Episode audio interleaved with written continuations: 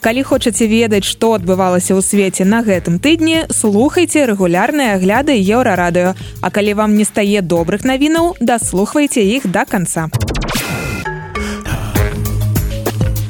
Владимир Путин вельмі не хацеў, каб Украіна уступіла ў НАТО. Нам што воеваць з блокам НАТО? Прайшло тры месяцы і цяпер у НАТО хоча не толькі Украіна, але і Швецыя з Фінляндыяй. Скандынавія больш не з краю краіны парушылі дзесяцігоддзі нейтралітэту і падалі заяўкі на ўступленне ў альянс, расказвае Street Journal. А цяпер хвілінка змрочнай аналітыкі. Вось што кажа Уильям Альберг, дырэктар па стратэгіі, тэхналогіях і кантролі над узбраеннямі ў міжнародным інстытуце стратэгічных даследаванняў. Гэта вяртанне на захадзе ад 30гадовага пахмелля пасля халоднай вайны, гэтага стратэгічнага сну.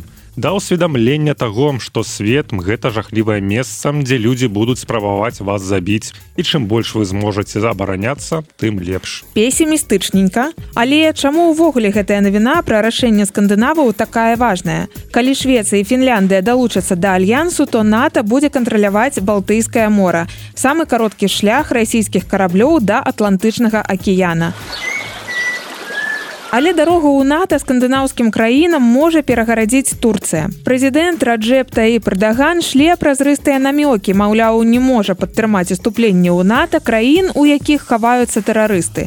Гаворка пра рабочую партыю Курдыстана, якую ў Турцыі лічаць тэрарыстычнай. Турэцкія афіцыйныя асобы запатрабавалі, каб скандынаўскія краіны расправіліся з сеткамі, якія па іх сцвярджэннях звязаныя з РПК. But for now I'm all you got.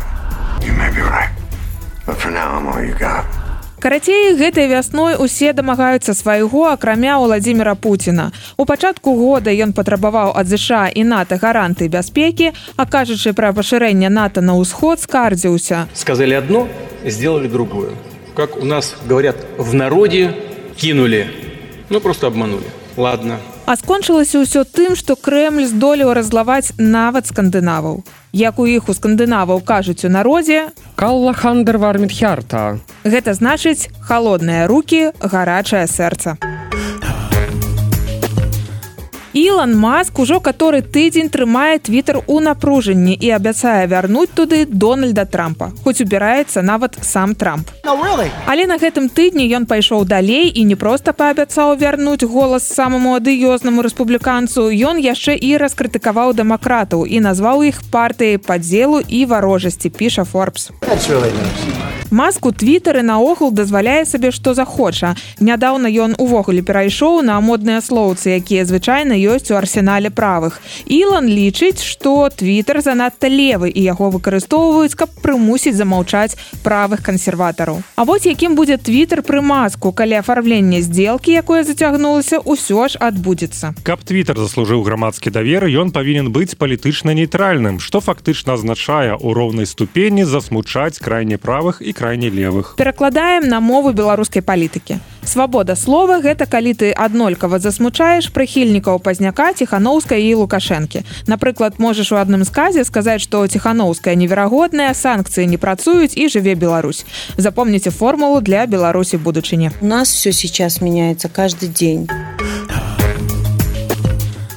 Часопіс за эконаміст выйшаў з трывожнай вокладкай. Аўтары прадракаюць чалавецтву цяжкія і літаральна галодныя часы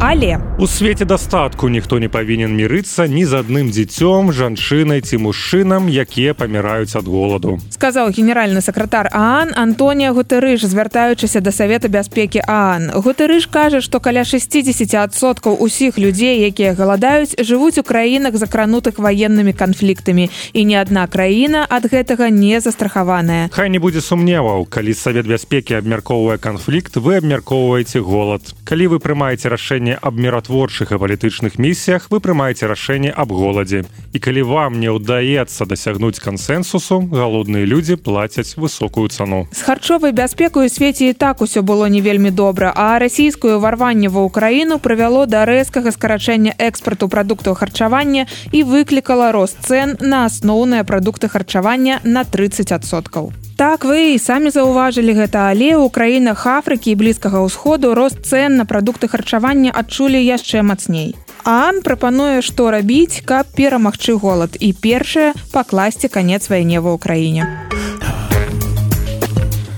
Цяпер не пра свет, а пра маленечкі гарадок на поўнач ад Масквы. Тут жыве меней за 5000 чалавек і адзін з іх зрабіў для інфармавання грамадства болей, чым усе тэлевізары ва ўсіх мясцовых хатах. Расіянин Зміцер напісаў на сцяне свайго магазина мир Украіне свабоду Росіі і чырвонай фарбай дадаў назвы гарадоў, якія сталі ахвярамі вайны. Людзі падтрымліваюць спецаперацыю, пра якую ім расказваюць па тэлевізары, але пачынаюць разумець, што насамрэч адбываецца бедства. Калі знішчыць незалежныя медыа, можна дачакацца, што людзі пачнуць пісаць на заборах. А калі не верыце, што камунальнікаў не хопіць, каб зафарбаваць усе сцены, спытайце беларусаў. Простые словы простыя рэчы І да добрых навін з Украіны харкаўскі кот сцяпан атрымаў міжнародную прэмію блогераў піша эсквайр. Калі вы ў апошнія месяцы чыталі не толькі навіны, вы ведаеце пра каго гаворка. Хаця не, нават калі вы чыталі толькі навіны, вы ўсё роўна ведаеце таго сцяпана. Пасля пачатку вайны ва ўкраіне кот разам з гаспадыняй перабраўся ў францыю. За гэты час цяпан сабраў 10 тысяч долараў на дапамогу жывёлам якія пацярпелі ад канфлікту. Сёння пятніца і вы ўжо ў курсе галоўных сусветных навін. Так што цяпер хоць бы на 5 хвілін адключыцеся ад навінавых стужак і дазвольце сабе трошки паглядзець на мемы з харкаўскім катом сцяпанам любы іншы кот таксама падыдзе. а